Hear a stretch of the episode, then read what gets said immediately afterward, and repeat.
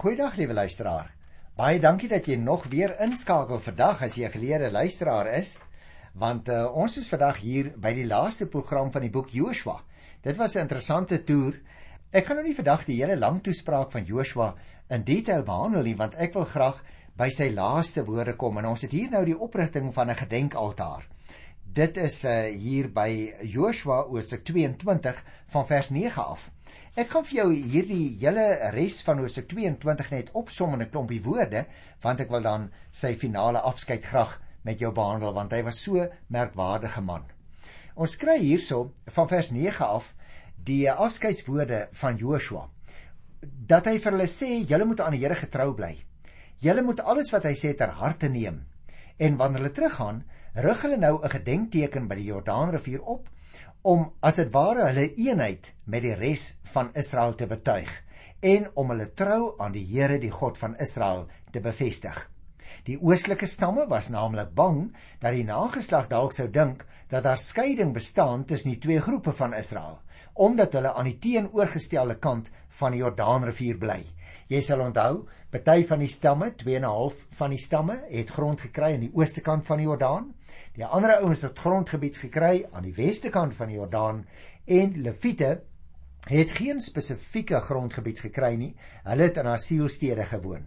En nou was daar onder sommige van die mense die vrees dat die nageslag dalk nie sou besef dat hulle in werklikheid een volk is nie.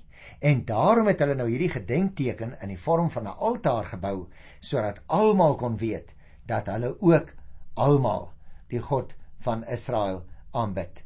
Dit bring ons dan luisteraars by Joshua Hoofstuk 23 waar hierdie beroemde ou leier nou afskeid neem van sy mense. Daar staan geskrywe: Dit was al lank dat die Here na alle kante toe aan Israel rus gegee het van sy vyande. Joshua was al baie oud Joshua die hele Israel geroep, die leiers, die hoofde, die regters, die amptdraers en vir hulle gesê: Ek sal baie oud. Julle het gesien wat die Here julle God alles aan hierdie nasies gedoen het ter wille van julle. En liewe luisteraar, as jy nou self daardie verse gaan lees, die eerste 8 verse van Joshua 23, dan sal jy sien hoe dat Joshua hulle herinner aan die geskiedenis wat agter lê. Maar hoe dat hy ook net soos wat die Here hom van tevore herhaalde kere bemoedig het. Nou sy eie mense oproep en hy sê vir hulle in vers 6: "Maar julle moet sterk staan in die uitvoering van alles wat geskryf staan in die wetboek van Moses." As 'n mens dus na hierdie 23ste hoofstuk kyk, dan is daar 'n paar dinge wat jou opval. Want eh, jy sien, hierdie gedeelte sluit aan eintlik by die 21ste hoofstuk. Die Here het daar aan sy volk die land gegee wat hy aan hulle beloof het en hy het aan hulle rus gegee, het ons gelees in Hosea 22 van al hulle vyande. En die rus het nou al vir etlike jare voortgeduur. En Joshua het intussen baie oud geword. En soos hy nou die oostelike stamme geroep het om met hulle te praat in verlede keer se program, so roep hy nou al die stamme op om met hulle almal saam te praat hier in die 23ste hoofstuk. As jy se hele toespraak gaan lees, dan sien jy sien die tema van sy toespraak voor die volksvergadering is die keuse wat hulle moet maak tussen volledige getrouheid aan God of ontrou aan die Here deur met ander nasies en hulle gode deur mekaar te raak. Hy herinner hulle, hy sê Israel, julle moet onthou, julle het 'n verbonds ooreenkoms met die Here dat hy julle God sal wees, dat julle sy volk sal wees. Dan herinner hy hulle aan die bepalinge van die ooreenkoms. Hy herinner hulle aan die wetboek van Moses in vers 6. Hy sê vir hulle die waaragtigheid van hierdie woorde gaan telkens bewys word deur die konkrete gebeure wat julle gaan ervaar. En liewe luisteraar, so het God natuurlik in die verbondsbepalings neergelê dat hy vir sy bondsvolk 'n land sal gee om in te woon waarin hulle hom kan dien en elke dag in verbondenheid met hom kan lewe. Die waarheid van haar woorde is nou bewys deurdat die Here Israel se vyande voor hulle laat swyg het en nou lê die land as dit ware voor hulle oop. Die verowering het plaas gevind. Hulle is gevestig. Elkeen van die stamme het sy grondgebied ontvang. Die gevolg van ondertrouing met die Kanaaniete bly egter 'n bedreiging en die aanbidding van hulle afgodsdiens sodat die Israeliete die Here nie met hulle hart die Here voluit sal volg nie. Dit bly 'n gevaar. En dit is waarteen Joshua hulle nou in sy lang afskeidsrede vermaan. Julle moet bly om die Here te dien. En dan kom ons by die belangrike byeenkoms by Sichem. Met ander woorde Joshua hoofstuk 24 luister na die eerste vers. Joshua het al die stamme van Israel bymekaar gemaak in Sichem. Hy het die leiers van Israel, die hoofde, die regters, die amptdraers geroep en hulle het hulle plekke kom inneem in die teenwoordigheid van God. Jy sien dit is dus 'n baie plegtige vergadering. Want hierdie gebeurtenis, luisteraars, moet ons besef, sluit baie nou aan by Joshua 8. Joshua roep naamlik die volk weer 'n keer bymekaar, hierdie keer by die heiligdom in Sichem tussen Ebalberg en Gerisenberg. Hy het van tevore al daar 'n altaar vir die Here gebou. Ons het dit teëgekom in die 8ste hoofstuk by vers 30. Maar die seremonie wat nou hierdie keer daar gaan plaasvind, is die van 'n herbevestiging van die verbond tussen Israel en die Here. En tipies van die manier waarop ooreenkomste in daardie tyd gesluit is, word eers alles wat die hoofbondgenoot vir die ander gedoen het, opgenoem. Met ander woorde, Daar's as 'n ware herhaling van die geskiedenis in die eerste 13 verse, soos wat die Here hulle herinner hoe hy vir hulle gesorg het in die jare wat voorlê. Joshua het nou die volk aan God se goedheid en voorsienigheid herinner deur te praat oor die seën wat hulle al die pad in die verlede ontvang het. En hy doen dit deur verskillende gebeurtenisse op te noem. Ek wil tog so hier en daar hier in die 24ste hoofstuk ook iets daarvan uh onderstreep. Kyk byvoorbeeld in die 8ste vers. Toe ek, dit is nou die Here aan die woord. Toe het ek julle gebring na die land van die Amorite. En dan sê hy vir hulle vers 11, julle deur die Jordaan getrek en by Jerigo gekom. En dan noem hy al die volkere wat hulle verslaan het. Vers 13 sê hy, ek het julle 'n land gegee wat julle nie bewerk het nie, stede wat julle nie gebou het nie, maar julle kon daar gaan woon. Julle eet van wingerd en olyfboorde wat julle nie geplant het nie. Met ander woorde, hy, hy herhaal voortdurend vir hulle hoe goed die Here vir hulle gesorg het. En nou sê hy in vers 14: Betoon dan nou eerbied aan die Here en dien hom met opregtheid en met trou. sien af van die gode wat julle voorvaders ander kan die Eufraat en in Egipte gedien het en dien die Here Jy merk op, liewe luisteraar, die erns in hierdie ou man se stem. Sy oë het vaal geword. Ek stel my voor sy haar en sy baard is spierwit. Hy pleit as dit ware as mondstuk van die Here by hulle om die Here te bly dien.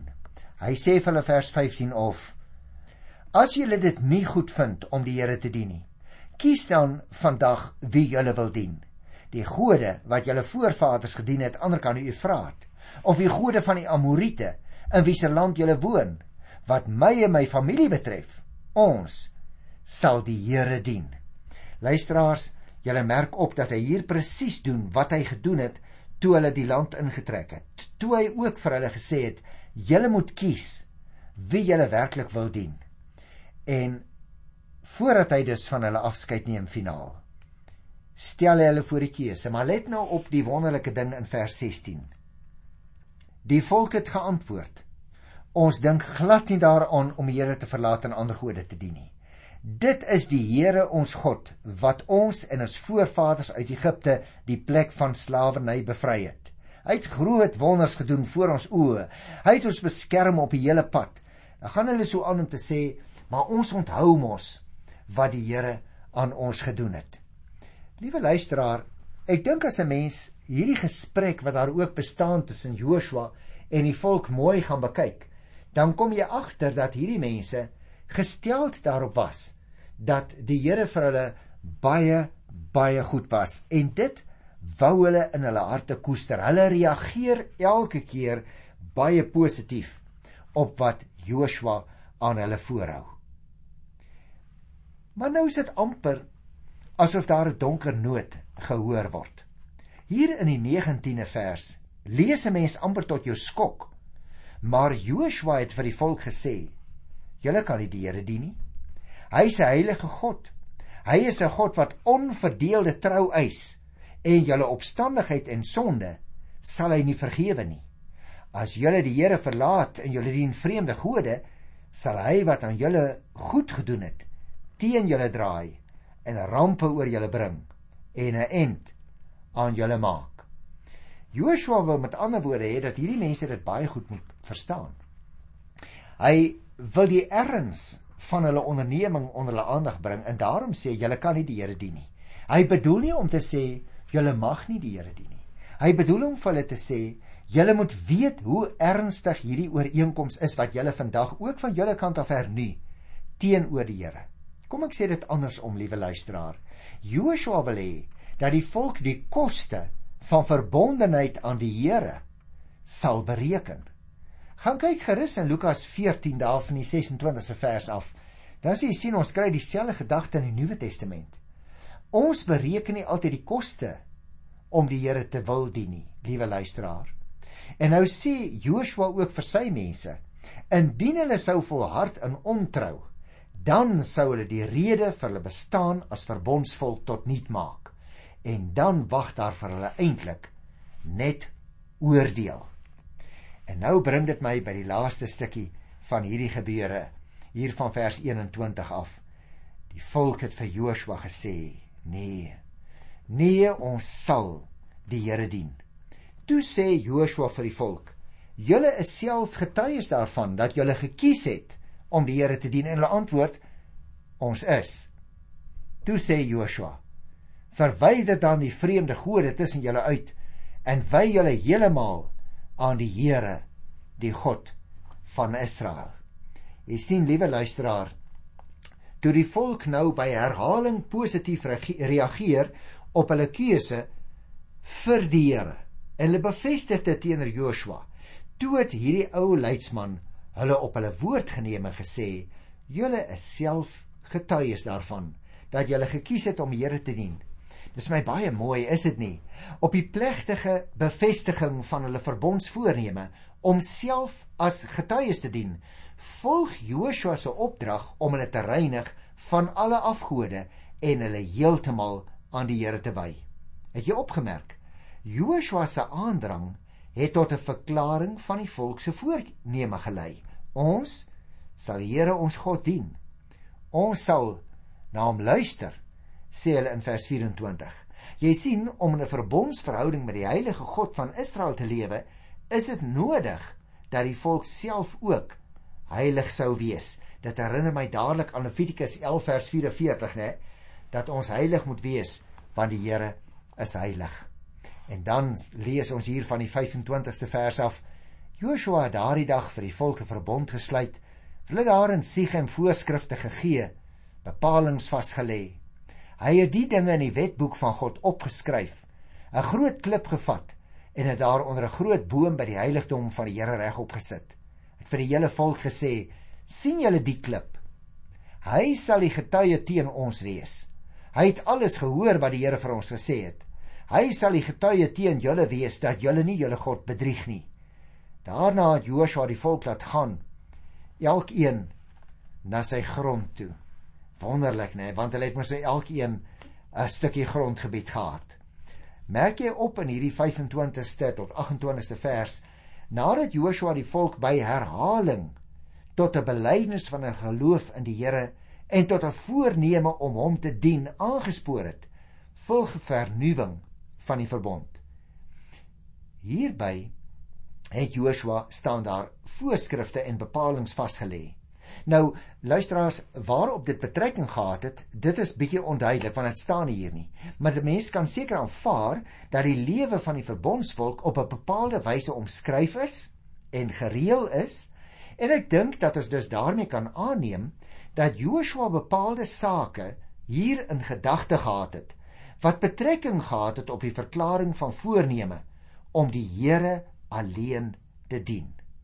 En hierop het ons nou gelees het Joshua toe 'n groot klip gevat dat daar onder 'n groot boom by die heiligdom van die Here regop neergesit. Die oprigting van 'n klip het natuurlik in die Ou Testamentiese bedeling deel uitgemaak van bepaalde seremonies. Ons kry dit al vroeg in die Bybel. Gaan kyk maar weer 'n slag as jy wil in Genesis 28 daar by die 18de vers. Later in die geskiedenis het dit ook voorgekom. Gaan kyk in 1 Samuel 7 vers 12. En daarom Joshua laat nou die klip as dit ware as 'n getuie dien teen die volk. Die geskiedenis was die getuie van God se handelinge met sy volk en dat hy sy verbondsbeloftes nagekom het, die geskiedenis het dit regtig bewys. Die klip wat dus nou hier deur Joshua opgerig is, moes dien as herinnering daaraan dat die volk op grond van die Here se verlossingsdade in die verlede 'n plegtige belofte gemaak het om hom alleen te dien. Jy moet dus oplet, liewe luisteraar, die klip word opgerig as 'n bevestiging dat hulle van hulle kant af 'n ooreenkoms aangaan. Dis amper soos 'n ring wat 'n man vir die vrou gee en sê dit bevestig my belofte teenoor jou. En hierna lees ons dan die wonderlike kortsinnetjie. Hierna het hulle huis toe gegaan, elkeen na sy grond toe. En dan kom ek nou by die laaste paar verse hier van die boek Joshua. As opskrif staan daar bo aan die 29ste vers die dood van Joshua en Eleazar. Vers 29 begin so. Na hierdie gebeure het Joshua seun van Nun, dienaar van die Here, gesterf. Hy was 110 jaar. Nou dis 'n wonderlike ouderdom om te bereik, liewe luisteraar. Hy wat aanvanklik die assistent van Moses was. Onthou jy nog hoofstuk 1 vers 1, die assistent van Moses. So het hy bekend gestaan. Hy het nou deur die loop van die jare bekend geraak as die dienaar van die Here. Hy het die woorde van die Here ter harte geneem toe hy as Moses se opvolger aangewys is. Onthou julle nog, wees veral sterk en baie vasberade in die uitvoering van die wet wat my dienaar Moses jou beveel het. Hierdie wetboek moet die rigsnoer wees vir alles wat jy sê. Ons het dit daar gekry in Hosea 1 by vers 7 en 8. Met sy toegewyde lewe het Joshua inderdaad getuienis gelewer dat hy werklik 'n dienaar van die Here is. En toe sy mooi en sy ryk lewe nou ten einde geloop het, was hy 110 jaar oud. Wat 'n wonderlike getuieskrif wat 'n dienskneg van die Here kan ontvang. Die 30ste vers sê hy is begrawe in die gebied wat aan hom gegee was as 'n besitting in Timnat Serach in die Efraimsberge noord van Gaas berg. Nou ons het dit van tevore ook gelees. En dis wonderlik dat hierdie man kon sterwe op die stukkie grond wat hy in die beloofde land as dit ware direk uit die Here se hand ontvang het. Vers 31 sê Israel het die Here bly dien tydens die lewe van Joshua en tydens die lewe van die leiers wat vir Joshua oorleef het en alles ervaar het wat die Here vir Israel gedoen het. Joshua word as erken as 'n vroom en 'n groot leier wanneer sy lewensverhaal afgesluit word met die opmerking: Israel het die Here bly dien, luister nou weer mooi, tydens die lewe van Joshua en tydens die lewe van die leiers wat vir Joshua oorleef het. Ek wil amper sê, liewe luisteraar, die lewens van die Israeliete wat agtergebly het en wat vir Joshua oorleef het, hulle lewens was 'n getuienis van wat hierdie man vir hulle beteken het. Hulle die Here bly dien. Vers 32 sê die liggaam van Josef wat deur die Israeliete uit Egipte gebring is, is in Sichem begrawe in die stuk grond wat Jakob by die nageslag van Gamor, die vader van Sichem, gekoop het vir 100 stukke silwer. Die grond het die eiendom van die nakommelinge van Josef geword. Dit is my baie interessant dat dit ook nou hier aangeteken is net nadat ons gelees het van die dood van Joshua. Lees ons nou van die liggaam van Josef wat saamgebring is destyds al uit Egipte land en wat ook nou herbegrawe is. Hoekom sou dit wees? Op sy sterfbed het Josef, soos al jy onthou, die begeerte uitgespreek om in die beloofde land begrawe te word. Jy kan gerus weer gaan lees daar in Genesis 50 vers 25. Dit is gedoen op die stuk grond wat Jakob gekoop het.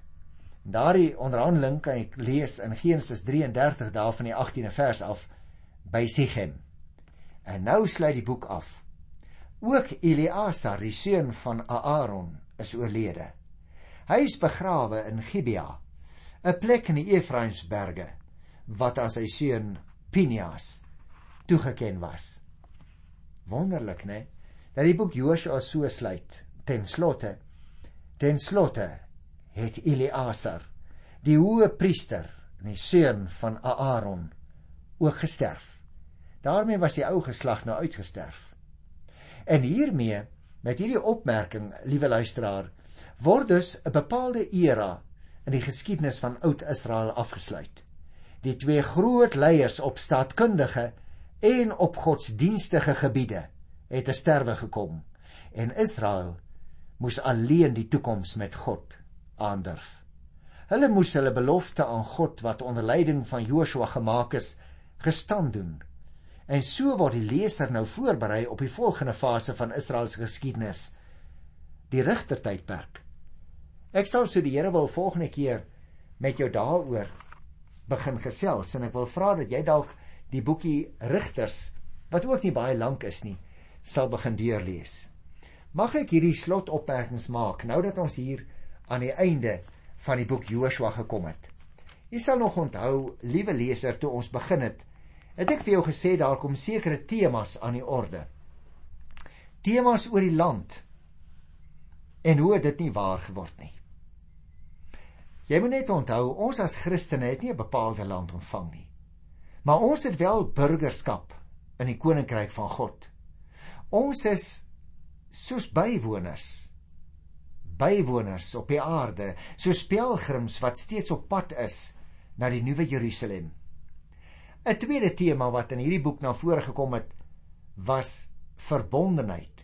Die Here het die Israeliete suksesvol gemaak solank hulle aan hom gehoorsaam was. Hulle het oorwinnings behaal, sal jy onthou, solank hulle saam met die Here die taak aangepak het en op hom vertrou het. Maar onthou verbondenheid geld ook vir jou en vir my as Christene. Jy sien om in Christus te wees beteken om ten nouste saam met die Here te lewe en te werk. In Christus het ons 'n nuwe verbond want ons is die nuwe volk van die Here. Ons is aan die Here verbind deur die geloof. Ons leef uit hom, deur hom en tot hom. En daarom dink ek die derde tema wat ek by die begin vir jou genoem het, geloofsgehoorsaamheid wat ons in nou Joshua se lewe gesien het. Dis vir ons ook so belangrik. Die Here praat mos ook tot jou en tot my deur woorde, profete woorde wat in die Bybel vir ons aangeteken is. Dis vir ons belangrik. Die belangrikste woorde seker die van Jesus Christus, ons groot leier. Die vierde tema wat ek by die begin vir jou genoem het, was die van leierskap. Nou Joshua was 'n voorbeeld van uitstekende leier, hoor. Liewe luisteraar, ons beste leier is die Here Jesus. Wil jy hom nie met nuwe toewyding volg nie? Ons program is mos die Bybel vir vandag. Mag ek vir jou die laaste tema noem wat ons by daardie inleidingsprogram oor Joshua ook vir mekaar genoem het? Toewyding. Joshua was die leier wat sy volk herhaaldelik opgeroep het tot toewyding. Hier op die laaste blad van Joshua wil ek ook vandag as dienskneg van die Here vir jou oproep, liewe luisteraar, tot toewyding. Jy sien, om God lief te hê beteken meer as om net entoesiasties te wees oor hom. Ons moet ons hele lewe aan hom verbind. Ons moet ons elke dag daarop toespits om op elke enkele lewensterrein in sy diens te staan. Toewyding aan God. Ek groet jou dan ook hier aan die einde van die boek Joshua in die wonderlike wonderlike naam van jou en my groot leier Jesus Christus, die lewende Here. Tot volgende keer. Totsiens.